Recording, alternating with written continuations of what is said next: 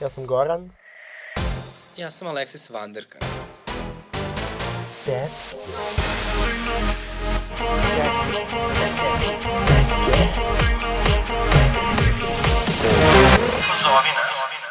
Podcast Tetke radi se uz podršku da se zna i remarkera.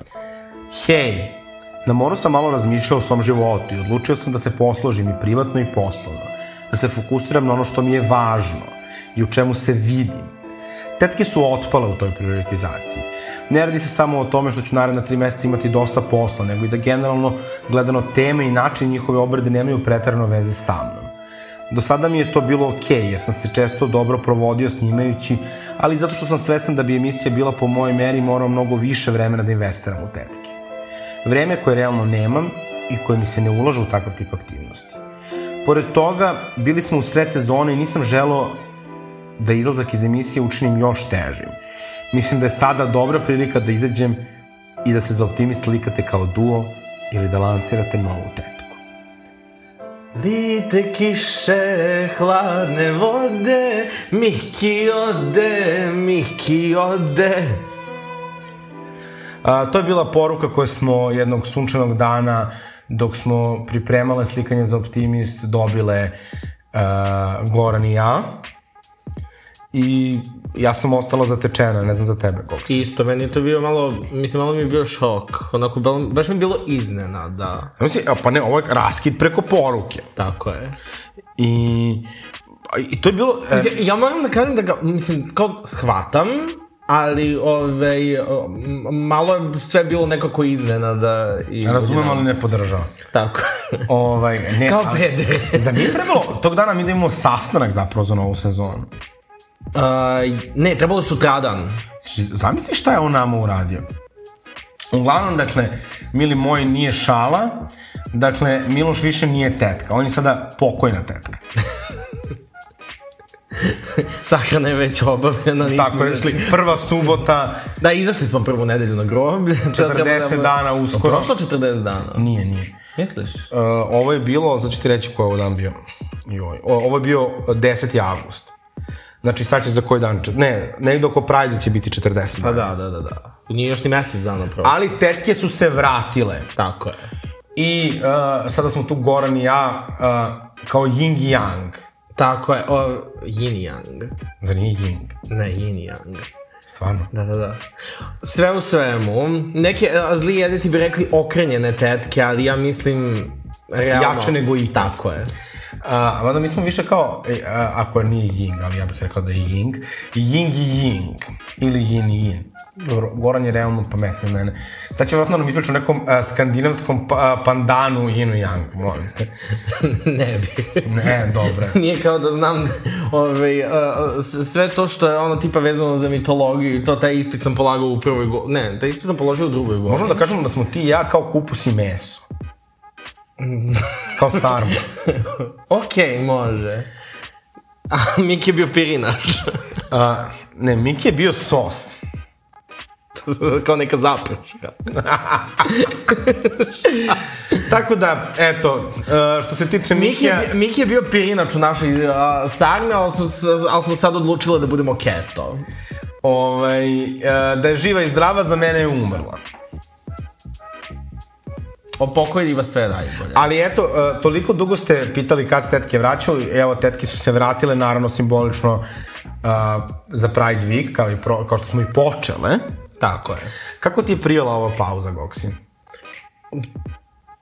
Pa, nije mi prijela pauza, s obzirom da sam morao da se investiram u ispitne rokove. Ove, tako da, ove, što bi... Kao što Spoiler alert, alert, nije diplomirao. Nisam diplomirao, ove, ali kao što pevačice kažu kao leto provodim radno, e pa tako i ja. Tezgarim, tezgarim po filologskom fakultetu, očigledno. Neplaćeno. da. Sad ti mene pitaš kako sam ja provao. E kako si ti provela ove, ovo leto, Aleksis? Jo, meni je leto proletelo.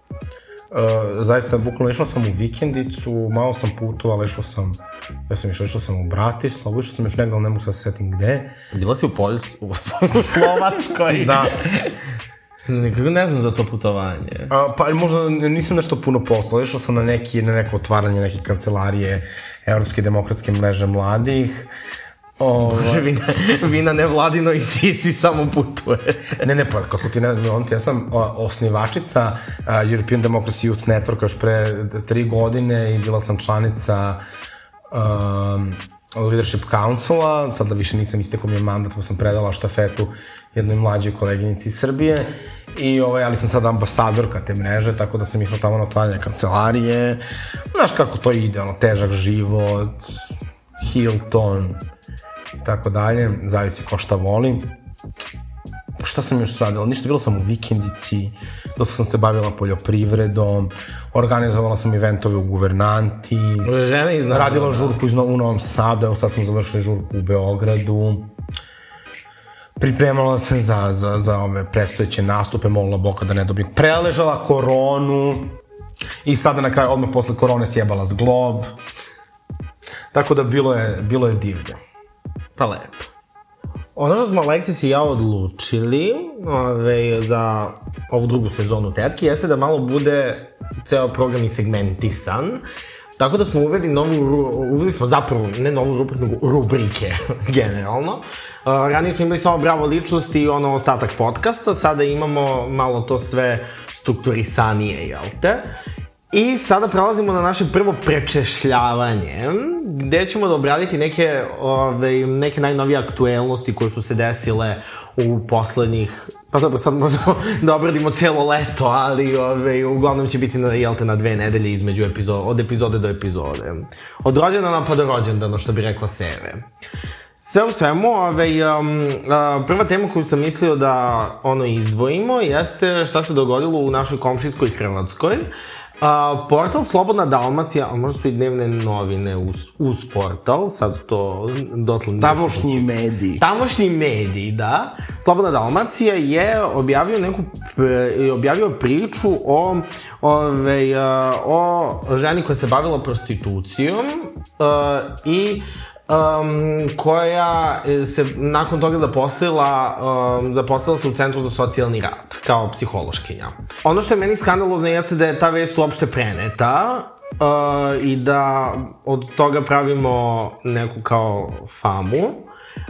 Drugo, način na koji je ta, na, koji je ta vest pre, preneta bukvalno kao šejmovanje što neko ima istoriju ove, bavljena prostitucijom i što se ono, ove, mislim, ili izvuko iz toga ili ne želi više, ne želi više time da se bavi ove, i tako dalje. Šta ti misliš o tome? Pa, mislim, ja sam skandalozirana, naravno, ovim. Mislim, kao, mogu da razumem, ako su mediji to objavili, mislim, kao prvo, mislim, nema šta mi da razumem, ne razumem medije.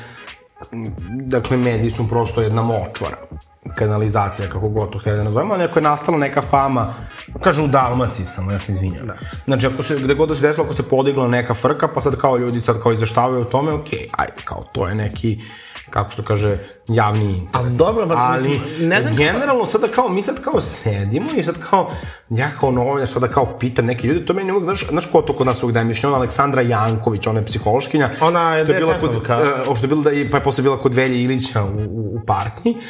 Uh, znači, onda sad kao tu sad kao nekakvi stručnjaci daju im mišljenje. Pazi, advokat daje mišljenje da li ona treba da radi kao socijalna radnica, pa onda neka psihološkinja koja govori da samo moralno čisti ljudi treba da rade u socijalnim službama i ne znam šta. Znači, mi prvo, uh, dakle, Prvo, da li... šta je moralno, moralna čistoća? To je kao toliko Upravo. arbitrarno. Znači, ako nešto treba da kritikujemo, to onda da zapitamo kao, da li je tu ženu možda sistem naterao da se bavi prostitucijom?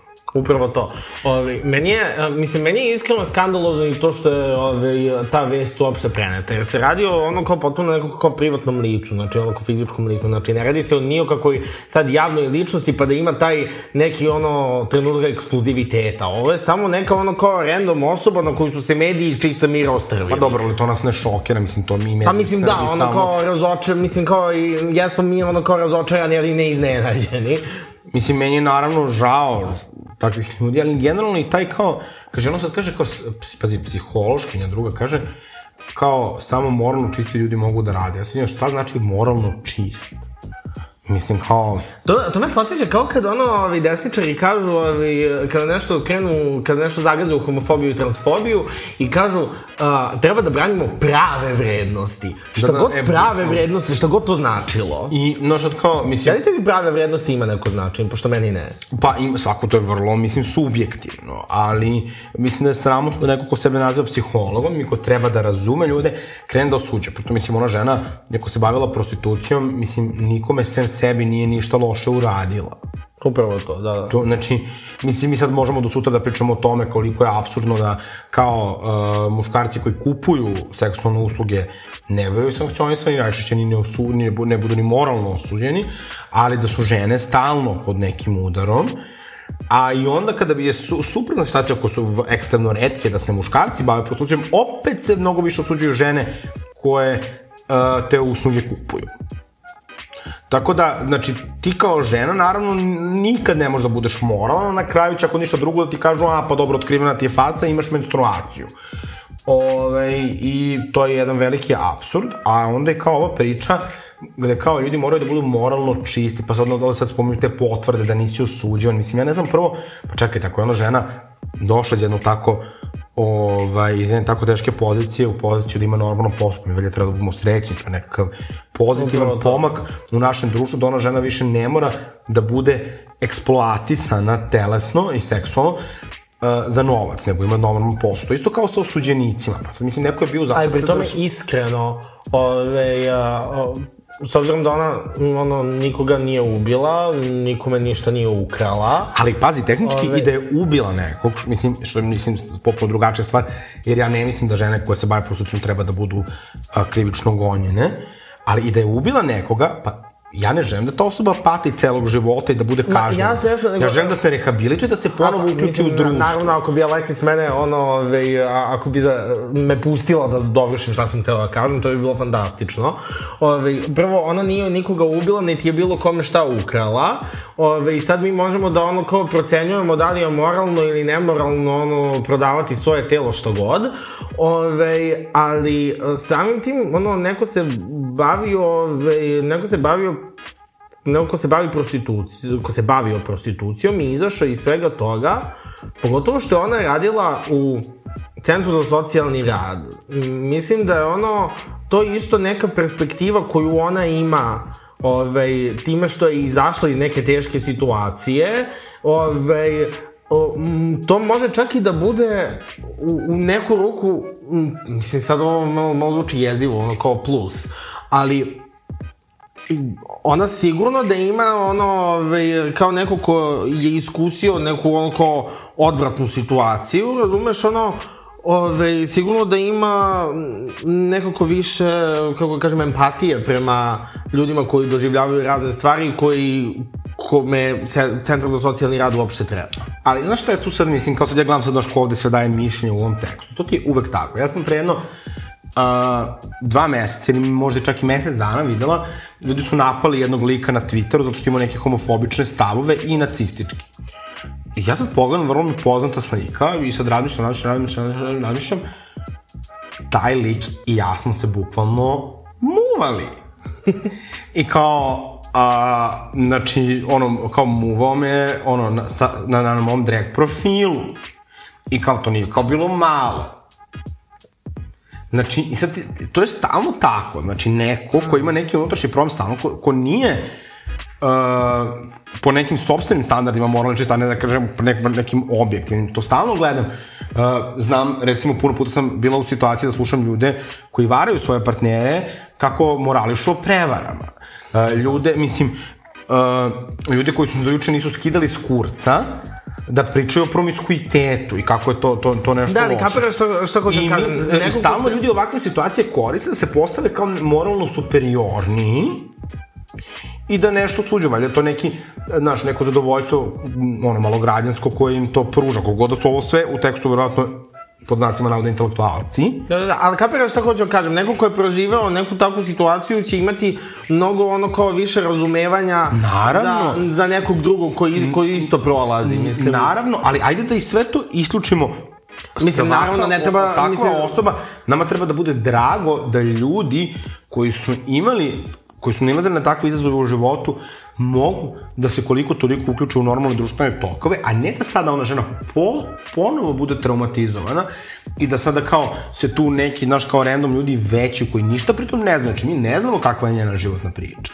Mi ništa ne znamo o tome. Da li je to bilo, uh, bio to njen možete, kao, da, da li je nju uh, neko podvodio, da li, znači, mi ništa ne znamo realno o toj priči. To je sad kao, mi sad pričamo o nekoj o NN osobi, koja pritom, znači za nju sada verovatno znaju u toj njenoj užoj, užoj zajednici i kao osuđujemo je, a bukvalno, uh, zar ovaj region, nakon, ajde ne pričamo sve to, stvarno nema, ima ozbiljne probleme od ex uh, prostitutki koji rade, koji rade u Centru za socijalni rad. To je ono kao, uh, naš, što, što je moje glavno mišljenje, a mi, ma mislim, ajde, ovo je krajnje, mislim, uh, šta uh, mi moramo da trpimo od straight ljudi, kakve su ovo seljačke osude i... i, i A ja, bukvalno, to je pozicija, ovaj, uh, ne znam ako se sećaš u zadruzi kad je Mina Vrbaški rekla onom jednom liku, kao da, bavila sam se prostitucijom i fali Bukvalno, nešto. da. Jer mi fali nešto, jer ovde pripomognem kome šta treba. Mislim, Mislim, kao, znaš, ali to, je to. I sad, meni je stvarno neverovatno, ako je meni su takve stvari bile jasne sa 15 godina.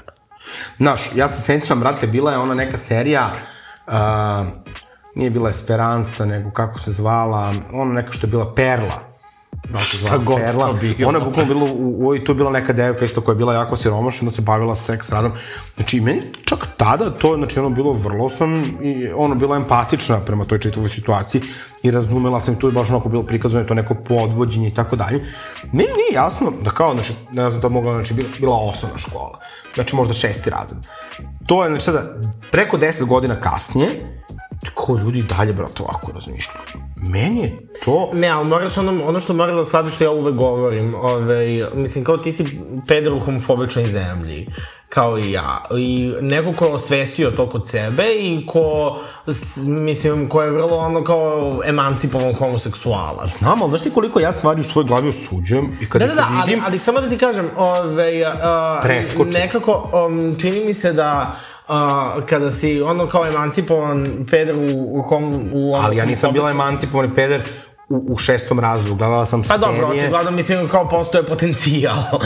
Znači, ali, Jo, hvala ti, ljubavi. ali šta hoću ti kažem, uh, nekako uh, kreneš malo više da promišljaš oko drugih stvari. Nekako se to odrazi i na druge aspekte tvog života da uh, kao kritički promišljaš apsolutno svemu što, što vidiš, a ne samo da ove, uh, ne samo da kao prigrliš neki ono kao uvraženi stav okoline, razumeš? Da, ali ti ovdje imaš uglednu, kaže, ugledna psihologinja Mirjana Kri, Krizmanić, pa neki odvjetnik, razumeš, kao nisu ni sad ni ovo kao neki mučeni, neosvešćeni ljudi. Pa dobro, ali ono kao Ali- isto tako imaš ono kao slučajeve ono kao antivaks doktora, mislim ono Razumeš, ono, ne, nekada te, ono, bliskost neke profesije sa nekom temom u skandalozno mnogo slučajeva te, ono, ne kvalifikuje mnogo. Tačno, ali hoću ti kažem, ovo je ipak neki ljudi koji su imali privilegiju da mogu da budu bolji od toga. Naravno, naravno. I, uh, znaš, ja sam uvek uh, oko takvih stvari, recimo, znaš, setim nekih dosta st- od mene starih uh, ljudi koji su odrasli u vrlo ruralnim sredinama, a nisu bili kao to, uh, ono, ostrašćeni, ono, jedva, jedva čekali da osuđuju druge, nisu bili uh, nisu bili zajedivi, nisu bili tako zli, znaš, mislim, mi ovde sada dok oni sad ovde svi trabunjuju i kao dižu sebi kao svoj moral, ovaj, znaš, ovo je nečiji život i nečiji rad. Naravno, I ne, naravno. znači, oni sada negiraju nekome pravo na rad. Znači, okej, šta je sledeći korak? Onda ona dobije otkaz i šta onda? Onda, znači, svi u tom malom mestu znaju ko je ona, verovatno. I ona opet nema nijednu drugu opciju, znači, ili da umre od gladi, ili da se opet bavi seks radom. Da, da, da, ovaj, pa, uh, mislim, generalno, generalno ti kao, ovaj, uh, generalno konzervativni stavovi, vrlo često, mislim, generalno konzervativni stavovi služe da ono kao održe nekakav ono kao status quo u apsolutno svemu. Ove, um, I konzervativni stavovi vrlo često prema nekakvim ono ranjivim grupama se ponašaju bukvalno da im ono kao oduzmu sve što oni mogu da ono kao socijalno idu uzlazno. Jer, znaš šta je istu stvar? Ja recimo kad razmišljam o homofobima, ja ni, ne želim da bilo koji homofob ili transfob umre od gladi zato što je homofob ili transfob. Upravo to, upravo to. Znači, ne, znaš, ono, kao možda ne treba da bude na nekoj po, poziciji, recimo da bude profesor, ali ako ja, treba da izaberem Uh, recimo vrlo često recimo odlučim da kargo vozača koji recimo nije htio da stavi masku ili je nekog razloga ne prijavim zato što mi je žao Isto, isto. da izgubi posao. Ne želim dok kao nekoga ono, ili recimo ako ti nešto ne stigne dobro iz restorana, jedno mi devika rekla, kaže, kao ja, na, sad će meni skinuti pas, sam rekao, važi, nema veze, prijatno. Da, da, Moramo da imamo uh, na, da, da, da, i tu svest, da kao, kad, znaš, kao, uh, da nekoga ne, ne može, nije isto da canceluješ, ne znam, da baby-a, ili kako se već zove onaj reper, i da canceluje, i da, da, da, da, da, da se tako izdrkavaš po nekome ko bukvalno živi, već živi na rubu egzistencije. A gde je tu moral? Upravo to. Ove, isto naša, ove, naša me podsjeća podsjeća me na ove, situaciju sa ove, recimo narkomanima.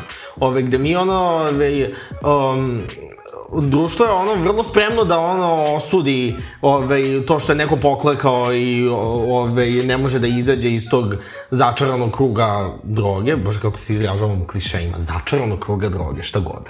Ove, kako god, ljudi su vrlo spremni da osude to što neko konzumira nekakvu drogu, ali ove, a, a, do, toliko su spremni da osude do te mere da niko nikoga ne ohrabri da se on recimo javi u centar za bole zavisnosti. Ali, zato što, mislim, meni su ti stavovi toliko zaostali, kao slavljenje imendana. Znači, prosto ja ne mogu, stvarno ne mogu da verujem da, da takve ono stvari dalje postoje. Znači, pa kao, znaš, oni ljudi koji slave imendan u 2021. godini. Dobro, kako to ima veze? Pa kao, to, toliko je ono, kao bukvalno pa to. no correlation, ali dobro. Uh, znaš, kao, ne, ja ne mogu da razumem ljude koji su alkoholičari, zato što ja nisam alkoholičar. Ali ni ne treba da ih razumem. U tom smislu da razumem kako se oni osjećaju, zašto su imali, kako se kaže, relapse i to, nego eventualno možeš da ih podržiš, Pa upravo to. ako su ti neki bliski ljudi, nećeš razumeti, isto kao depresivni, znaš, kao kaže, pa moraš sam da se pokreneš, to je do tebe, Znaš, kao, pa brate, da, da, pošto inače depresivni ljudi žele da budu depresivni i kao, to im je vrh.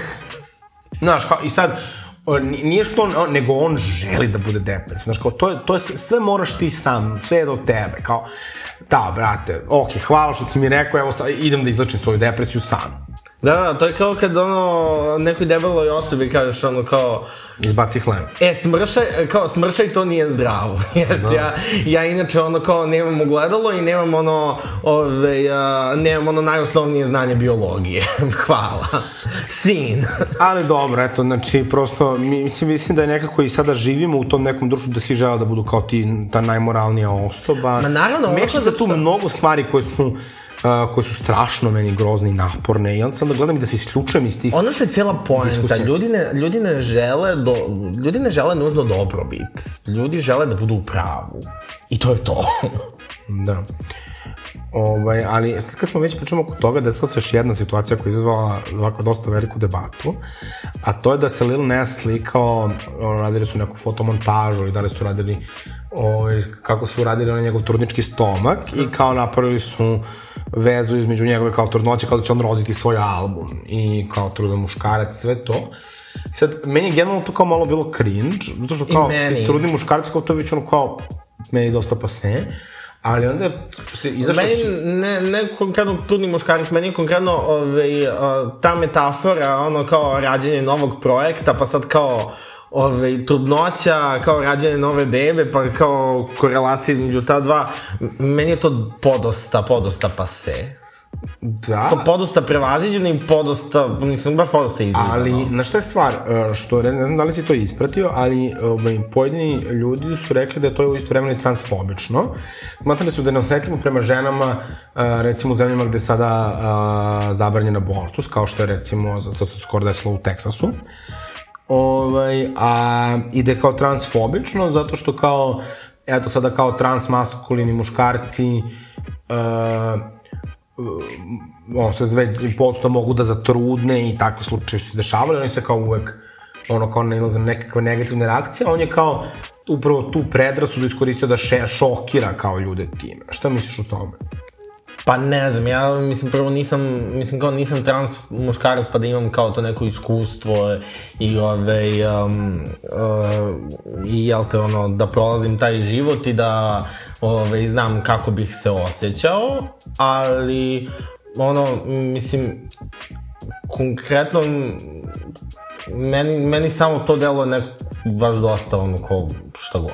Malo glupo. Malo je glupo, baš mi ono kao nije mi nekako nešto pre, mislim, ne delo je mi nešto pretredno problematično, samo mi je Samo je baš kao Ne, loše. baš sam oko toga diskutovala sa Matijom, ovaj, mojim, mojim dragim drugom koji, je- koji je trans momak. I pitala sam ga da li misli da je transfobično, on misli da je više neosetljivo prema trans muškarcima. Aha. Jer nekako poruka je kao loše frejmovana, a iskreno mislim da baš ni nije fora. Ali nekako, mislim, mislim sad kao, to baš smo pričali da kao neki ljudi su ostali uvređeno, ali ja mislim da to jeste pro problem što osjećanje nije argument. I mislim da to ljudi stvarno moraju da prihvate da razumeju. I da ako svoje osjećanje ne možeš da argumentuješ i da objasniš logički, E sad, ne, ne, ne bih rekla da, da, da, da ovde nema logike i to čitala sam dosta, ali kao da onda moraš shvatiti da može do tvog osjećanja. Sad, ne- referišem se konkretno na ovo zato što sam dosta rastrzana. I, isto, ove, vidio sam dosta ove, kao konzervativnije ljude da su ono kao jao, trudan muškarac kuda plovi ovaj brod. Sećaš kad je kod opre bio... To mi je tek ono- Sećaš kad je kod opre bio onaj muškarac koji je bio trudan pre pa 15 godina? E, sećam se zapravo. Ove, ne znam kako se sećam, s obzirom da sam ja odgledao možda ono kao tri epizode To je opre bilo u u životu. samim novinama. Pa ne znam, ali ja se baš sećam te epizode baš opre. Da, da, ne, pa bio si klip da su već bili portali i to, ali kao... Ne, ne, ja se baš sećam da sam gledao tu epizodu Aha. opre i to, to mi je jako bizarno, ka, ali to ti je, valjda, valjda mi je opre kao ono kao serija prijatelji. Ja nikad seriju prijatelji nisam pratio, ali uvek kad ono kao tipa nabasam na TV-u, ja sam ono tipa tri iste epizode prijatelja odgledao pet puta. Ove, jer je nekako tako se dogodilo. Bože, prijatelje, hvala Bogu, nikad nisam gledao. Sad si ti bolje od svih. Pa, od svih koji su gledali.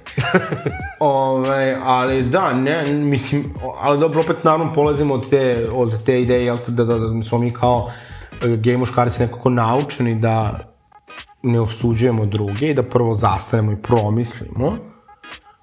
Ali, Pa dobro, sad ja se ne bih baš složio ono kad otvoriš Grindr, ne znam baš koliko je sve ono, ali lišeno ali mislim da to i jeste, da to i jeste stvar, da oni koji nisu toliko nailazili na osudu,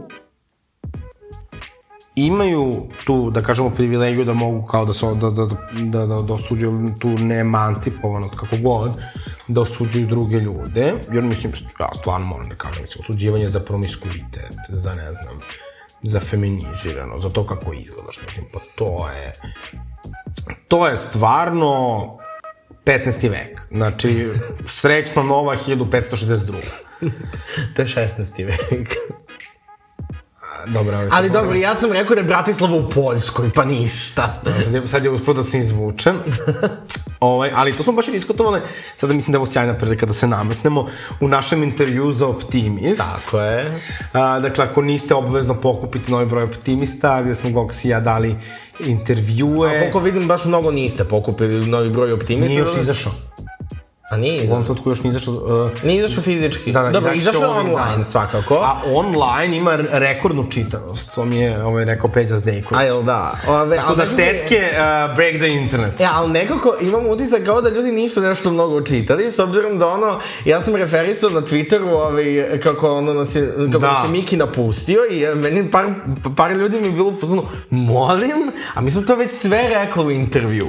Pa ne, ne, prosto to ljudi ne obraćaju pažnju, to je ono što ti ja kažem, mislim, skandalozno. Tako da obavezno pročitajte, znači, novi broj optimista, ima online izdanje već tu, fizičko izdanje, pa U verovatno će... trenutku kad izađe epizoda će već biti. Da, ve, već će biti tu, tako da, U molim vas- Pride Info centru, kad se gradu, guvernanti. I možemo Gox i ja da vam potpišemo broj. Naravno, samo ovaj, organizovat ćemo se. Čućemo se. Tako. Pišite nam.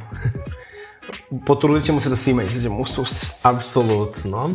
Ove, um, uh, osim... Uh, Šta te još potreslo ovih dana, Goksi? Ne samo da kažem za optimist, Aha. osim tog uh, intervjua zajedničkog, ima i moj uh, intervju da moj takozvani gej život. Uh, dali smo intervju, moj takozvani gej život dali smo i Alexis i ja, tako pretpostavljam da će tvoj izaći možda u sledećem. U sledećem broju. Da, da, da. Ove, tako da, eto, još jedna, ono, ove, um, još jedna doza tetke. Tetke se šire brže od korone. u svakom smislu te reče. me podsjeća sad, kao ona izjava Sanja Vučić, ove, ako se sećaš kad je, kad je Hurricane pobedio na Beoviziji 2020. Pa sad kad još nije ono, kad još nije dosta toga znalo o pandemiji, kad uh -huh. ono, baš nije potrefilo trenutak, pa je ona izjavila za neki strani portal kao Europe beware, hurricane is coming, coronavirus is nothing. oh my god. to je baš ono, šteta. Nesrećna izjava. Pa da, ove, pa bilo je dosta ove, tako nesrećnih izjava kad je tek krenuo COVID, mislim u strane i kao poznatih Ove, a i ovako kad prosto kao nismo znali kao šta će nas dočeka i sad kao 2021. kao mi da živimo COVID-om. Ali pozdrav za Sanju Vučić Lutkicu, obožavam je. Tako je, pozdrav za Sanju Vučić. Um, kako se te pitam, jeste potreslo još nešto ovih dana? Uh, potresla me jedna informacija koju, od koje ne mogu da pobegnem ni na jednoj ni društvenoj mreži, ni kad upalim telefon, a to je donesi je postao glovo. Da, to, to je bilo dosta šokantno. Mislim, ja sam baš razmišljala... Pa meni nije, zato što je ta, prvo ta informacija uopšte nije, mislim, nešto pretredano nova, ono da je ono kao... Ona insiderka. Pa nije nova, ono kao, to se znalo već koji mesec da je Glovo preuzeo donesi, samo što još ono kao nisu radili switch na aplikacijama. Pa znala si informacija, to se proširilo nekako, mislim, ne znam. Ja čula pred možda 10 dana. Ja sam znao već ono kao tipa mesec dana sigurno. Mislim, ja baš nekako volim donesi koristim ga više od 10 godina, onda mi je bilo baš žao. Kao kraj jedne ere. Pa da, i to je kao bilo jedna domaća kompanija, mada iskreno sve te firme su ono zapravo zlo, zato što kao eksploatišu te mučene kurire, maltetiraju restorane, uh, sav teret ono uh, troškova prebacuju na nas, ono, užasni su prema tim kuririma, tako da kao, zapravo, najbolje bi vjerojatno bilo da, ne znam, da, da, uh, da se napravi neka komuni, neki komunistički pristup. Pa moguće, ali ove, uh, ne znam, ljudi su dosta ono kao popizdali, kao jao, donesi je postao glovo, kao skandal, šta god. Što će biti skuplje. Pa ne znam. Ja moram da ja moram da kažem da ja nisam bio veran ni jednoj ovaj ni jednoj toj ja najviše donesi. Ni donesi ni Glovo ni Volt, nego prosto ono kao šta Imaš mi Cargo Butler. E da, da, ovaj, nego prosto šta mi se jede, ja proverim na sve četiri aplikacije, pa onda kao protiv, baš nisam ono, naviklo da donesi. Nisam bio veran, ono kao sad kao jedno. Ali reče mi Jovan da sad imaš kao valjda neki Glovo Prime i onda platiš 300 dinara mesečno i sve dostaviš ti besplatno. Pa šta zna, ne sad da... da moramo da plaćamo i pretplatu na, na dostavu za hranu. Ko da mi nije do, dovoljno ono tipa Spotify, mislim. Znači ja plaćam Spotify. Ko da mi, do, ko da mi nije dovoljno što plaćam račun za telefon. Netflix, znači ono pakao. Ne znam, ja, ja sam od Netflixa odustao zato što, mislim, ja prosto, ono, ja nemam snage da se fokusiram ni na šta. pa tako, da gledam seriju. Ove, i tako da što sam ja... Ni na fakulteta, kamoli na Netflix. Goksi se ne vezuje. Tako je. E pa naravno naša glavna tema kao i prošle godine su Pride i Pride Week ovaj, koji počinje zapravo danas kada vi slušate ovu epizodu, ako je slušate na vreme, ako je ne slušate, uh, dobit ćete minus. I no, Tri minusa, jedan u dnevnik. Bukvalno. Ovaj, I evo mislim da baš prelistavam ovaj program koji, koji smo upravo dobili zapravo na, na Pride-ovim društvenim mrežama. I evo ja, e, ja ćemo da, izv, da ne, izvojimo neke preporuke. Mislim da ono što mi je kao za prvi dan, ono što ja uvek volim je delikatesni ponedeljak, naravno. Naravno, jer on, ne da bože da ja ono, tipa neću nešto da jedem. Ali pazi, jedna velika kritika što nas nisu zvali opet. Upravo to, ja mislim da smo ono ko imali, ne, ja smo imali neku rekordnu posjećanost delikatesnog ponedeljka. Pa izvini, to je bio post-covid event, kako nismo. Naravno. Ma, tetke su uvek rekordne. A, to je zapravo, e, ja kad ono, se ubacim delikatesni ponedeljak, to je uvek rekordna posjećenost, zato što moj prvi put kad sam bio na delikatesnom ponedeljku jeste kad je a, moja katedra organizovala delikatesni ponedeljak za 70 godina skandinavistike, uh -huh. tako da smo ono kao spremali nekakve skandinavske specialitete, znači ljudi su to hteli da jedu prvo, mislim kao hoćeš da jedeš skandinavsku hranu, to zaista treba ti orden za to. Ove, A šta ste jeli? Ja više se i ne sećam. Ove, mislim, bila je ukusna hrana, ne mogu da kažem, ali kao realno skandinavska hrana nije sad, ne, bog zna šta. Ove, a, imali smo, sećam se, tada, to je bilo 2018. Imali smo rekordnu posjećenost, tipa, ove, a, znam da su oni nama u KC gradu rekli da se kao generalno prodao oko, ne znam ti ni recimo 100 obroka, ove, da smo mi ono kao prodali, ne znam, 200. Da smo ono kao imali duplo više nego što je neki kao prosek. Tako da break the internet. Tako da, znači, Goran kada se upusti u delikatesni ponedeljak, to znate da će valja i da će biti ono kao rekordno. A me, moje drugo pojavljivanje u Dregu, zapravo u mom životu je bilo na delikatesnom ponedeljku trans grupe podrške, tako da sam u Dregu servirala hranu, tako da je To lepo. Kako nas lepe stvari vezuju za delikatesni ponedeljak. E sad, onda druga stvar koja mi ovde deluje, koja mi je super, je predstava Strah od leptira, koja je od 20 časova u okviru Artefaktovog Pride pozorišnog festivala. To je domaća predstava i čini mi se da je jedina domaća predstava u ovaj tokom uh, Pride pozorišnog festivala. Znači, valja posetiti. Upravo. Ti preporučuješ, okej. Okay. Um, ne znam, evo sad gledam utorak. Pa sam ću preskočiti da pošto je jako ne znam. Um, što se tiče sledećeg događaja koje mi zapada za oči, to su razgovori sa zajednicom kakav Pride treba zajednicu. Ameni. To organizuje Matija Stefanović, ovaj, po mom mišljenju jedna velika mlada nada ovaj, a, lokalnog LGBT plus pokreta. I govorit će neki a, zanimljivi ljudi, ali mislim da što je još važnije, ljudi iz zajednice imaju mogućnost da dođu i da, da, da izraze svoje mišljenje, jer ovo je jedan veliki dijalog koji postoji i ja ga u popunosti podržavam. Mislim da mnogo moramo da debatujemo za Pride, da Pride pripada svima nama i da treba za njega da se borimo, ali da u toj borbi treba da budemo konstruktivni, Da. a ne da budemo ono a, a, reaktivni, pasivno-agresivni, da pljujemo aktiviste i tako dalje. I ono što bih ja ove, a, samo pohvalio jeste to ove, da su ti razgovori sa zajednicom, to su ljudi iz zajednice predlagali, pa se glasalo, ono, Tako je. znači, narod predlaže, narod glasa i narod Razgovor iz naroda. na razgovori iz naroda, ono, narod pita, narod odgovara. Ove, tako da to bih isto pozdravio, tako da bih i pozdravio i ono, um, uh, pošto to nije jedini razgovor, nisu to jedini razgovori sa zajednicom koji, koji ono, narod odabrao, biće i u četvrtak, Biće ovaj, utorak, sredu četvrtak i petak su razgovori sa zajednicom. I svi su izabrani Aha, strane aha, dobro. Znači da, u utorak imamo zločin iz mržnje kao krivično delo, u sredu imamo ove, kakav pravi treba zajednici, u četvrtak imamo kvir i džaci u manjim sredinama i u petak imamo kvir migranti, uh, uh, kvir migranti i kvir migrantkinje na rubu margine. E, i još jedna stvar koja, koja nije u programu, ali jeste urađena povodom, Weeka, pošto sam i ja inicirala, o, jer sam shvatila da je dobar moment, jeste večer novih kraljica u guvernanti, gde će nastupiti a, pet mladih kraljica. A, dakle, Dragana Gabana će hostovati, moja čerka Okej. Zoe Plastik nastupa, tu će biti Sunoka, Gypsy a, i Novoslovenka. Ovaj, one će, pored onih klasičnih lip syncova, raditi još neke zanimljive stvari. Meni je ideja bila da zapravo damo malo prostora i novim kraljicama, jer u, u Beogradu prosto nema puno prostora za nove kraljice. A s druge strane, novih kraljica ima Da. i scena je sve raznovrsnija. Tako je. I zaista ono, ovaj, uh, kad se uporedi scena ono, ovaj, uh, pre recimo 5-10 godina i sada, Kad su poredi pre dve godine. Da, da, da, kad, ali kad se uporedi scena, znači ono, samo skoro ranije i sada, tačno se vidi da su ono starije kraljice utabale put nekim novim ove, i da su ohrabrile i ono mnoge, mnoge nove nade, jel te, drag scene i da ono kao Beograd zaista postaje jedna onako vrlo, vrlo raznovrsna Drag scena. Drag metropola, tako je. Ovaj, tako da, ja, imat ćete priliku da upoznate tako da sjajne hvala i kraljice. starim i novim kraljicama. Tako je.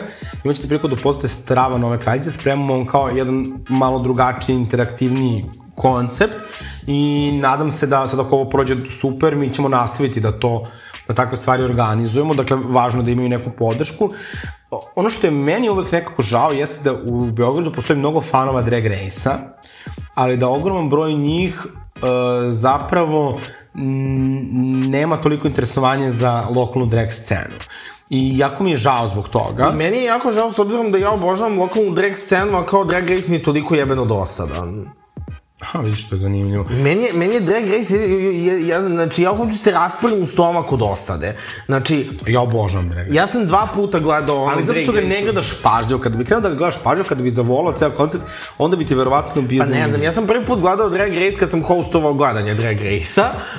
Znači, to je bilo pred mesec dana. da, I meni je ona epizoda, meni je ono bilo toliko, Ali toliko jezivo gledao, dosadno. a znaš je stvar? Ne, meni je bilo, samo kažem, meni je to bilo jezivo dosadno i ja sam baš bio u fazonu kako ono neko može da gleda.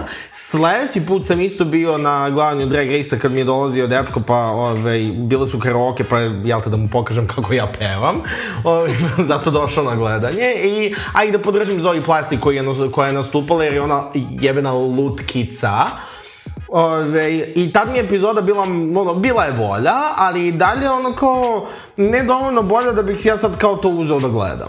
Pazi, ja kao obožavatelj gledao. kameričkih reality, moram da kažem da ja volim jako te koncepte. Sad ono kao, što, rea, ima, što je jedino bolje od regularnih znam, za fanove realitija, su ti all stars koncepte realitija gde se neki stari takmičari vraćaju i tako dalje. Da, a meni, meni generalno američki tip reality mnogo nekako ono kao mm, dosadan i suviše isceniran. Ja znam da svaki reality show treba da bude donekle isceniran da prosto ono ti ako daš ljudima koji se ubacuju u, rea, u bilo kakvu vrstu reality, ako daš svu ono kao slobodu, ono kao u kreiranju programa, Ove, to ono dosta zna da bude ono kao dosadno za, za Ali gledalca. pazi, Drag Race je drugačije zato što ti imaš nekakve kreativne zadatke. Recimo, meni drugi omiljeni američki reality je Survivor, koji ono isto kao pop... I to je isto, mislim, ono, šta je tu zapravo reality program? Jer ono, na, kao prema nekom američkom modelu reality je ti talent showove svrstavaš u nekakav kao tip reality-a. Ali ovaj reality zato što ih snimaju, prati njihove međuljudski odnose i tako dalje. Ali to mi nekako, to mi nekako baš sve deluje ono, način na koji se to radi u Americi, ove, mi deluje baš nekako suviše iscenirano. S druge strane, način na koji se radi to ovde, mi deluje ono kao, mislim, ono kao going too far. Pazi, zavisi u kom realitiju pričaš. Što se tiče Drag Race-a sada, jeste. U smislu, ne kao da oni sada kao ono, režiraju to, ali vrlo usmeravaju, forsiraju određene narative i slično, što iskreno nekome ko je gledao Drag Race uh, svih prethodnih 14 sezona ume da smeta. Uh, zašto? Zato što se recimo forsiraju tužne priče, onda kao nekako i sami takmičari kreću da se uh, ponašaju da se ponašaju tako. Ali sad da ne dužimo ovo, pošto pričamo o programu za predik, uh, nemamo vremena za digresije, da, da nastavimo da analiziramo predik. Dakle, dođite utorak, 200 dinara je ulaz, uh, podržite mlade kraljice, Goks i ja ćemo biti tamo ako želite naše autograme Znači, utorak u guvernanti. u, od 20 časova. Dakle, i pritom eto još jedno, ako mogu ovu priliku iskoristim, da promovišem i guvernantu, to je stvarno jedino istinski kvir mesto koje je super i koje ono kao nema nikakve te malograđanske principe i zadrške koje jako poštoje ljudi koji tu nastupaju. I dođite obavezno i stvarite u guvernantu, imaju odlične koktele, moj preporuka je Likra, A, ja moram da kažem da ono, ove, a, guvernanta a, je um, mesto gde sam ja nastupao, gde je bio moj treći nastup u životu, moj treći drag nastup u životu, ali je to bio moj prvi plaćeni drag nastup. Pa Miloš, šta ti kažem, Aleksis je uvek bila široke ruke. Tako je. E, ali ja sam a, sada radila, kad sam radila poslednji gig u guvernanti, radila sam tombolu. To je bilo prezabavno. Znači, bukvalno drag tombolu, ja moram bukvalno da drag tombolu, ono, nastavim to postane tradicija, to je bukvalno najzabavnija stvar. Nisam bio, ali zvuči zabavno. Dobila su super nagrade. Zvuči jako zabavno, a ja mnogo volim ta, takve stvari. Ono kao tombola meni deluje jako zanimljivo. I imaju i onu tako se mašinu kao- za tombolu, izlačim kuglice, čo onih izdova, onda uvrcim pa svetla i tako da, prezabavno. Mislim, kakav low cost Suzana Mančić, obožavam. E, tako smo se igrali, znači ja sam bila Suzana Mančić, a Ana iz, ove, suvlasnica guvernanta je bila Ana Pendi. Fenomenalno. Moja preporuka za petak bi definitivno bio drag party u Dragstoru, na kojem ću i naravno nastupati i ja. Doduše, u dosta izmenjenim okolnostima, pošto sam uh, u subotu na žurci pala Sabine povredila nogu. Ja, molim te, Aleksa, šta se desilo? Kako si uspela, znači, ono, prvo korona, pa sad, ono, kao, odmah čim si izašla iz izolacije, ajde malo da, ono, sjebem nogu. E, pa to je znači najča fora, zato što kao ova godina, znači ovaj kao Pride sam ja kao stvarno jako ozbiljno shvatila, imala sam već neke ideje, znaš, ono, dugo se tokom COVID-a nije ni nastupalo i tako dalje. Ja sam sad kao imala neke velike ideje koje sam želela da realizujem i, i ono kao svaki nastup je super prilika da realizuješ nove stvari i meni je ono krenulo odmah posle COVID-a, stvarno sam imala dosta nastupa i sve, ali kao Pride je ipak nešto gde ono ostaviš srce na bini. A kako ćeš za sam Pride? E, pa slušaj, sad ću da ti ispričam. I, znači, prvo da se požalim. I onda sam, znači, i sad ja, naravno, kod mene su se probe, ide gas i sve. I tamo kad, ono, smo krenuli s probama, ja dobijem COVID. Sedim kući, plačem, ne mogu da probam. Doktor kaže moram da ležim, ajde ja ležim, a da nisam imala neke velike simptome, ali sam stvarno bila i ekstremno iscrpljena.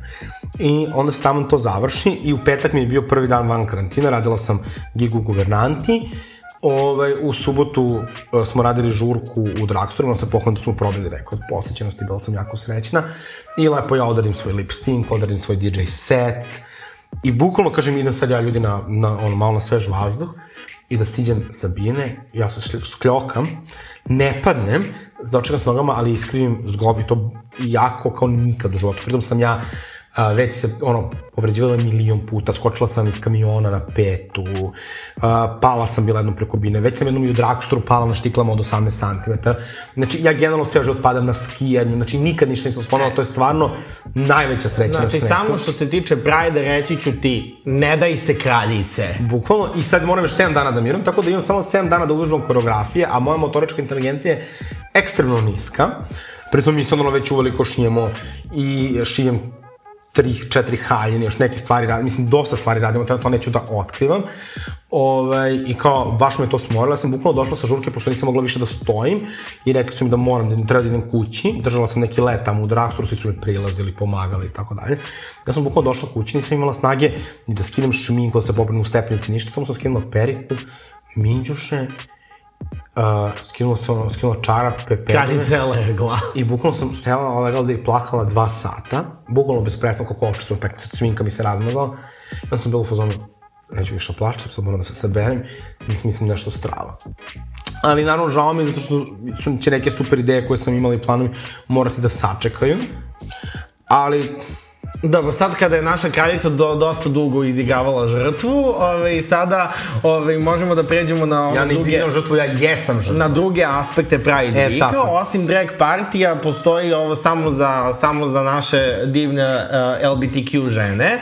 Postoji isto partija u 9 sati u Ljubincu, tako da ono, posetite to, idite, znači, sve žene iz LBTQ pokreta, idite na partiju u uh, Ljubincu i onda produžite u Dragstore I ja posle bih toga. rekla, ovaj film Welcome to Čečnja koji se prikazuje 14.30 u Ice, uh, Impact Hubu Okej. uh, je super ideja, bit će razgovor sa momkom koji je preživeo torturu u Čečnji, Čečeni, kao, če, Čečni, Čečeniji, da, da.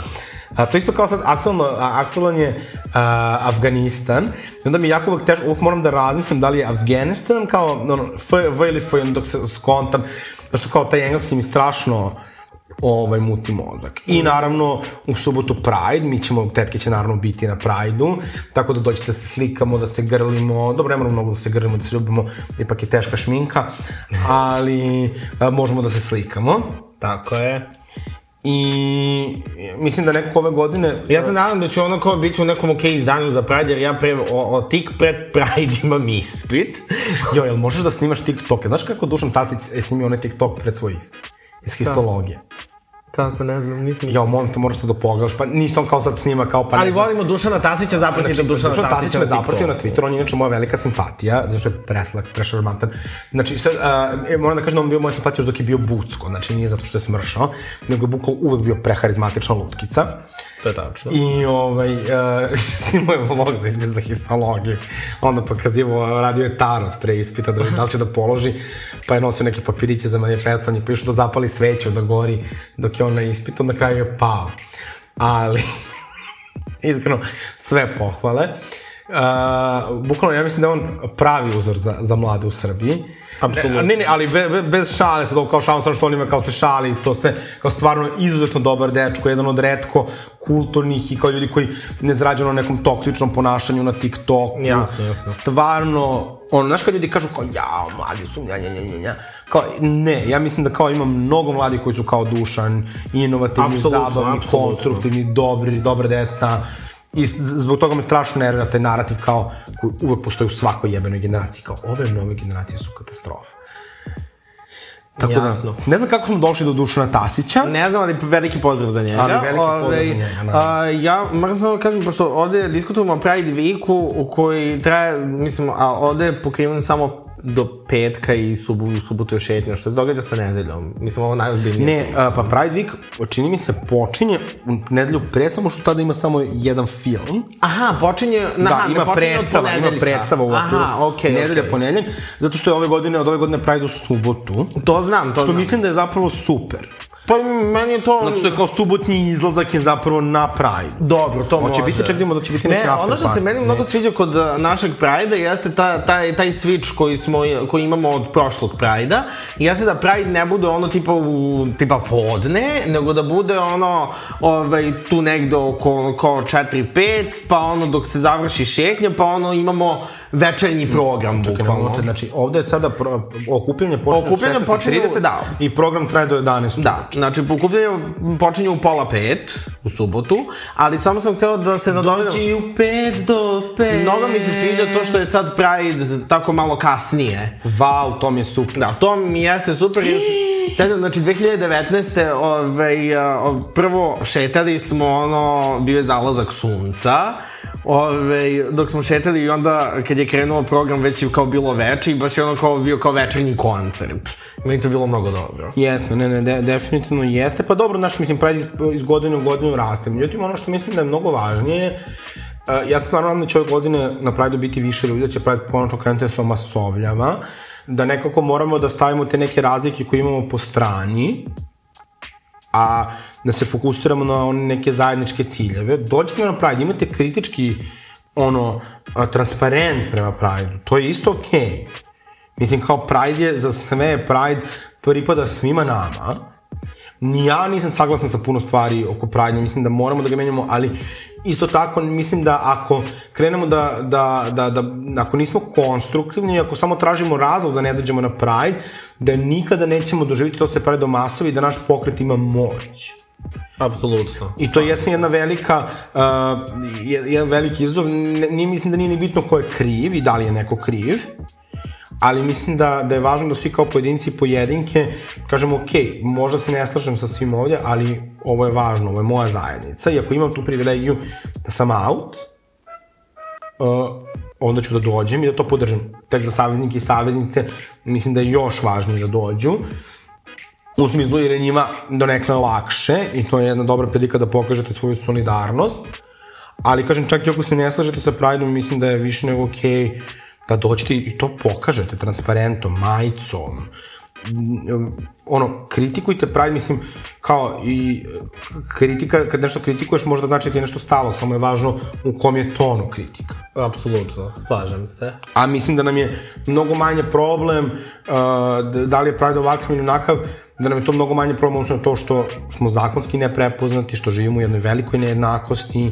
I sad ja znam da recimo ljudi, to je neko isto često mišljenje koje se pojavlja kao da li Pride mora da bude levičarski, neokapitalistički i tako dalje. Mislim, uh, da li mi sad treba da se bavimo uh, ukidanjem zatvora i ne znam, time da svi imaju zdravstveno osiguranje, Uh, mi kao LGBT pokret sami to ne možemo da promenimo, ali možemo da menjamo ovo i da podržavamo i tu borbu, dakle da ja se slažem da svi ljudi treba da imaju pristup kvalitetnom uh, zdravstvu, da svi ljudi treba da imaju posao, da svi ljudi trebaju da imaju mogućnost da, da kupe stan uh, i, i, i slično, ali ja ne mogu, uh, mi ne možemo sami da podignemo tu revoluciju Slažem se. ovu koliko toliko možemo. I mislim da ove godine imamo kao jednu veliku pobedu koja nam stoji ispred nosa, to je zakon o zajednicama, koji ja lično mislim m, neće promeniti mnogo u našem životu, zato što će mnogi problemi i dalje ostati, ali će biti najveća naša pobeda do sada i meni je to nekako najvažnije toga. Mi ćemo ono napraviti našu najveću pobedu sad i onda idemo dalje na zakon o rodnom identitetu, na uh, ono ekonomsko osnaživanje uh, LGBT zajednice, na, na bo, bo suočavanje ono sa nasiljem, da, da, da, da prosto budemo jednaki, ali ovo je sada jedna pobeda koja nam je pred nosom i za koju moramo da pokažemo da smo tu, ne, ne, ne moramo, ali bi trebalo da pokažemo da smo tu i da smo spremni da se borimo. Slažem se. Monte, reci ti nešto, Goksi. Evo, recimo, meni je super, meni je uvek to mnogo oduševalo, to je jedna stvar koju sam jako cenila uvek od tebe, je bila činjenica da ti imaš konzervativne roditelje, poprilično, Tačno. U dverima su. Nisu u dverima. A nisu u dverima, podržavaju nisu- simpatizeri dveri. Ne, ne, ne, ne. Otac je bio simpatizer dveri dok... O, Se nisu liberalizovali. do, dok ne znam, valjda nisu krenuli da sarađuju sa DSS-om. Ove, i sad, ne, ono, ne, ne bih baš da ulazim u tu genezu problema. Ove, i majka nikad nije ni podržavala dveri, ove, ni, a tek ne bila u dverima. Ove, um, podržavala je neke pojedince iz dveri, ali jeste konzervativna. Ok, iz jedne konzervativne porodice kao, dolaz, nisi bio out, ali si dolazio na Pride, uh, ono, generalno učestvovao u svim tim diskusijama na Twitteru, na TikToku i tako dalje. I za mene je to mnogo hrabrije nego kada neki od nas koji su imali daleko više privilegija i imali su možda liberalnije roditelje, su kao out i trala la la la. Znaš, kao budi uh, hrabar i ponosan iz te pozicije. I meni je to strašno inspirativno. Ja to uvek kažem ljudima, meni bude krivo što znam neki ljudi koji su daleko privilegovani, recimo tebe ili mnogih uh, mladih ljudi koji dolaze na Pride, na naše žurke. Ja sam stvarno u mnogo kontaktu sa, sa klincima, kroz drag, kroz tetke, kroz žurke. I oni su strašno hrabri, oni uopšte ne idu uz dlaku svojim roditeljima. Uh, oni... I to mi je mnogo drago da vidim. Često, ja to mi je mnogo drago da videla, vidim. To su neki ljudi koji su toliko hrabri kao, a, oni se fucking skidaju sve roditeljske sise na prvoj godini fakulteta, što je užasno, Da, je, jer ih roditelji ostavljaju, ali kao oni biraju da budu ono što jesu i kao to je za naklon do poda. Slažem se. Znači, znaš, to kad imaš liberalne roditelje pa dođeš na Pride, to je super i važno i treba da uradiš, ali kao nije ni približno toliko hrabro kao ovo. Mi te klince, Ali samo, s- samo da kažem, ovaj, ako imate konzervativne roditelje, neć, ja bar iz te perspektive, ja, sam, ja imam konzervativne roditelje i nisam im bio autovan do relativno skoro. Ove, o, znači, samo da vam kažem, niko vas ni na šta ne može naterati. Ako mislite da je ovaj, odlazak na Pride suviše veliki rizik za vas, nemojte da dođete. Ovaj, svakako, ljudi koji imaju dosta liberalniju ovaj, sredinu oko sebe bi trebalo da dođu, da... bi teret mora da, bi bude na onima koji su privilegovani. Apsolutno, da bi vas ohrabrili. Ako osetite da ove, ipak morate da dođete, dođite, E, ali mislim da je to poenta. Znači, kao, puno klinaca se plaši, ali imaju potrebu da dođu. Ja sam imao potrebu da dođem i došao sam. I ovaj, mnogo mi je drago što To je sam imao meni- taj prvi okidač. A ja sam isto imao taj uh, okidač, ovaj, uh, ja sam te godine bio na, ovaj, uh, bio sam u letnjoj školi danskog jezika u, u Danskoj. Ovaj, Priče. Uh, da, skandinavske priče. Ove, ali moram da, moram da objasnim. I te godine se ta letnja škola poklopila sa Kopenhaškim Prideom i onda sam iskoristio priliku da odem tamo. I o, malo sam se osjećao, m, ove, mislim, ja sam bio jako dobrodošao, osjećao sam se jako dobrodošlo tamo, znači, sve najbolje organizacije Kopenhaškog Pride-a, sve to bilo super, ali baš sam imao, ba- baš sam bio iz fazona kao, ovo je sve fenomenalno, ali ovaj Pride, ovo nije moje. Ove, I osetio sam, nakon tog Pride-a sam osetio potrebu e, da dođem na svoj Pride. Osetio sam potrebu kao, ok, lako je otići u Kopenhagen među ono kao 40.000 ljudi ove, na Pride-u, ali ono, Ove, nisam hteo da... Smatrao sam za sebe, ne kažem da je to generalno tako, meni je bilo za mene licemerno da odem u Kopenhagen na Pride i da ne dođem na Beogradski. Da, mislim, ja mogu da se relativam s tim u smislu kao da meni Pride u Beogradu stvarno nešto posebno. Meni ti veliki Pride-ovi koji su ono kao ogromnim proporcijama nekih festivala i to, mm, ne pričinjava nekako zadovoljstvo. Meni je to okej, okay, ali nije Ne, do toga okej što... mi je, ne smeta mi. Nije, nije do toga što je to festival, nego do toga što to nije moje. Znači, E, kao to to, da kažem. to nisu... Znači, Ali opet je drugačiji vibe na ja nekom nemam Prideu. problem, ja nemam iste probleme kao što ima ono kao gej u Danskoj. To je tako. Znači, ja ovaj, nisam u istoj poziciji kao, kao ono, tipa neki peder iz, ne znam, ono, neki peder iz, nemam pojma, Madrida. Znači, to nije moja borba. Mislim, okej. Okay. Ali opet je i nekako drugačije kada odeš da se solidarišaš sa nekim ko uh, ima probleme kao zajednica i kada odeš u Kopenhagen. Ali opet kažem, tvoj grad je tvoj grad i to je nešto što mislim... Apsolutno, vrlo, nema- ne bih rekla da kažem vrlo logično, ali meni jeste. nema lepšeg osjećaja kada ono tipa kada je ono ulica kao kojom idem na faks, razumeš? Je, je ono u duginim bojama i nekako kao se osjećam potpuno slobodno tamo. Da. Pa e, recimo, meni je to, meni je Pride 2014 možda jedan na najlepših dana u životu. I meni je generalno, kada pričamo... Ti to prvi Pride? Da, Pa, da. Ovaj, I to još te godine, svake godine je Pride bio cancelovan, tako da otkaza, otkazavan dan veče pre, tako da je to bila, o, o, bilo ogromno uzbuđenje, da li će biti, neće biti, ja sećam to posle 12, znači mi saznamo kada, pošto Pride nije zabranjen, da se on održava. I sad kao bukvalno, te otprilike je bio neki osjećaj ono koji je hovini svedoci kad ih neko pozove da uđu u kuću, znači kao, ok, šta sad, kao, kako ćemo sutra, ti prolaziš kroz te kordone policije, mislim, to je bilo jezivo, ali taj osjećaj kad dođeš na Pride sa tim nekim svojim ljudima i tu je toliko ljubavi. I to mi je uvek kao, tako nekako jadno kad slušam te homofobe kako komentarišu Pride, kako komentarišu gej žurke. I tim žurkama i na nema ni- skoro gotovo ničeg perverznog, bukvalno toliko ljubavi. Ja a, kao performer kod svoje zajednice dobijem toliko ljubavi, toliko podrške, ja vidim koliko tim ljudima isto to na neki način znači. I mi toliko ljubavi imamo u našoj zajednici. Znaš kad kažu kao ljudi vas nikad neće voliti, ne moraju da nas vole. Kao mi toliko ljubavi Mi se volimo. Bukvalno u svojoj zajednici i solidarni smo i e, nekako trudimo se da razumemo jedni drugi, da poštujemo jedni druge. Kao da bukvalno ko vas jebe. Apsolutno. I ja bih volao samo da sa više ljudi ta, delimo tu snagu, da, da nekako, ja, ja, ja sve razumem, ono kao život u Srbiji nimalo nije lak. I, I nekako, meni je korona bila vrlo eye-opening politički iskustvo, e, zato što kao sam shvatila koliko sam privilegovana i koliko uh, je ovo, ovaj sistem feleričan, ali mislim da, eto, Pride je super prilika da adresiramo sve te stvari ako želimo, da tu započnemo neke razgovore. Mene je, el, ono, LGBT pokret i LGBT aktivizam i kritika LGBT pokreta su me osvestile po mnogim pitanjima. Znači, ne samo po pitanjima LGBT prava. I mislim da je, da je to strašno važno. E pa stigli smo na jedan od naših omiljenih segmenta, to je Bravo ličnost. Uh, Goksa, ćeš ti prvi da predložiš svoju. Hoću.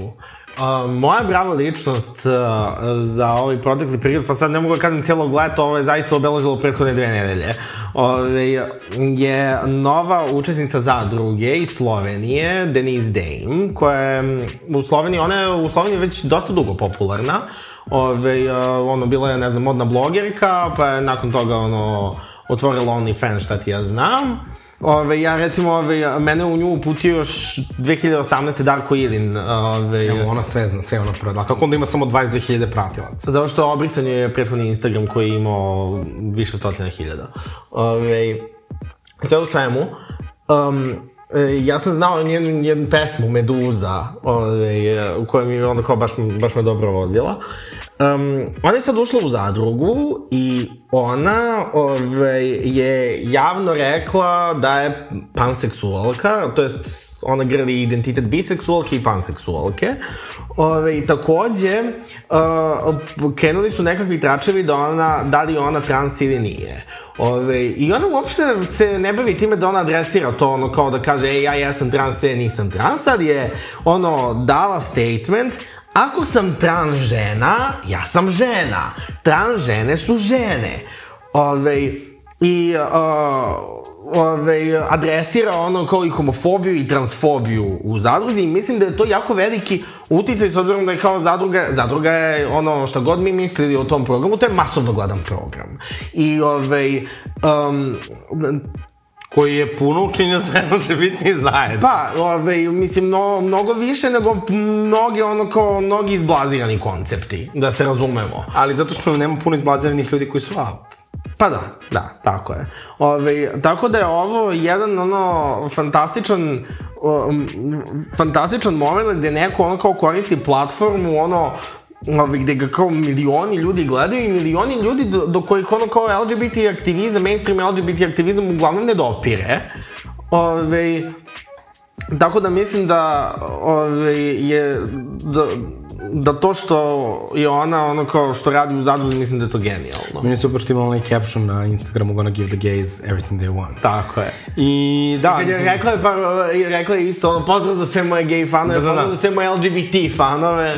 i trans žene su žene. Tako je. Ove, pa dobro, ali ljudi Sloveniji su uvijek bili super progresivni. Meni uvijek tu pada na pamet moja baka koja je uvijek tako isto bila, ono kao, s jedne strane super religiozna katolkinja, a s druge strane kao, ono, super uh, liberalno, kao da prihvata sve, voli sve, poštuje sve, kao potpuno, Slovenci su jedan drugačiji narod. Ali, moja bravo ličnost je uh, Kylie Sonic Love, Ona je drag kraljica koja je pobedila u šestoj All Star sezoni Drag Race-a i bila je favorit među, među fanovima. Međutim, ono što je posebno važno je da je ona prva trans žena koja je pobedila u Drag Race-u. Ovaj, I to je užasno veliki moment za uopšte afirmaciju trans žena kao u dragu jer čak i sam RuPaul je imao vrlo oprečne izjave po pitanju takmičenja ovaj, trans žena u drag race i po pitanju uopšte trans žena u dragu, što ja mislim i žena, što mislim da je potpuno legit, mislim evo sada imamo i prvu cis ženu koja se takmiče u drag race-u u britanskoj sezoni, ovaj, ali ovaj moment je bio strašno veliki, tako da moj predlog je Kylie Sonic Love, koja je bukvalno ono, super talentovana, ima jako ono, inspirativnu životnu priču, koja je, ono, ne znam, pre 10 godina se takmičila u Drag Race, osvojila osmo mesto, sad došla i pobedila i prosto pokazala stvarno puno, puno toga, ne samo kao trans žena, nego kao drag performerka i meni je ono kao to pružilo veliko zadovoljstvo kao i cela ta sezona Drag Race-a. E sad, ono što je novina kod Bravo ličnosti, pošto smo sada nas dve, Da, tako da ne možemo da ono kao glasamo između sebe, jer ono, ovaj, ne daj Bože da neko od nas ono kao prepusti da tuđ predlog pobedi. Ove, mi smo odlučili da uvedemo tetkokratiju. Tako je. I tako da mi smo odlučili da pitamo vas šta mislite ko treba bude bravo ličnost i zapravo vi birate bravo ličnost, mi dajemo predloge, vi birate. Tako da ići će anketa ove, um, Na Instagramu. da, Ovaj, tako da svidite na Instagramu Tetke, podcast i... na uh, srpskom tetke podcast. podcast, ja se, Pod ja se cast ispričavam. sa K. Biće verovatno ispod na linku ka epizodi i obavezno glasajte, pišite nam vaše utiske o prvoj epizodi, čem, čeme želite da se bavimo u narednim epizodama, ko, možda koji goste želite da, vi, da čujete. Apsolutno. Ja samo moram da kažem da prvi gost je ugovoren. A, dakle, gore će Tetke, gore će Beograd, gore će Srbija, gore će ceo Balkan. Tako je. I uvešćemo isto još jedna novina. Ovaj, a, napravit ćemo isto anketicu na Twitteru da, ovaj, nam, da postavite tetkama neko pitanje. Pa To nije ćemo... anketa, ne. Znači, govorim kao, znači, evo ga, evo za mene za dobro, tetketa. Ne, nego anketa će ići na Twitteru na neko pitanje, Dobro. a Q&A za nas, da ljudi mogu nam postaviti pitanje, će ići na Instagram. Ti To su dve različite stvari. Ali ti si rekao na Instagramu da će ići ovaj, a, Izbor za ko je Da, uh, bravo lično, ličnost. da. I Q&A, pošto uh, Twitter ima taj, uh, Instagram ima onaj Q&A, Da, na to sam mislio. Pa to je isto to... neka vrsta ankete. nije to, onda oni nas pitaju. Da, da, da, da jest. Okej. A, ok, evo Miloše, uh, evo, na- iako Miki nije tu fizički pristojan, on tu pristuje kroz Gorana. Eto. Zaposeo me Miki, Mikijev duh. Uh, hvala što ste bili uz nas u ovoj epizodi. I ja bih se zahvalio svim slušalcima koji I vidimo se na ostaju- Prajdu. Koji ostaju u stetki uprko svemu. Da, i hvala što ste svih ovih, ovih meseci nam hranili ego. O, istina. Hvala. I mi volimo vas.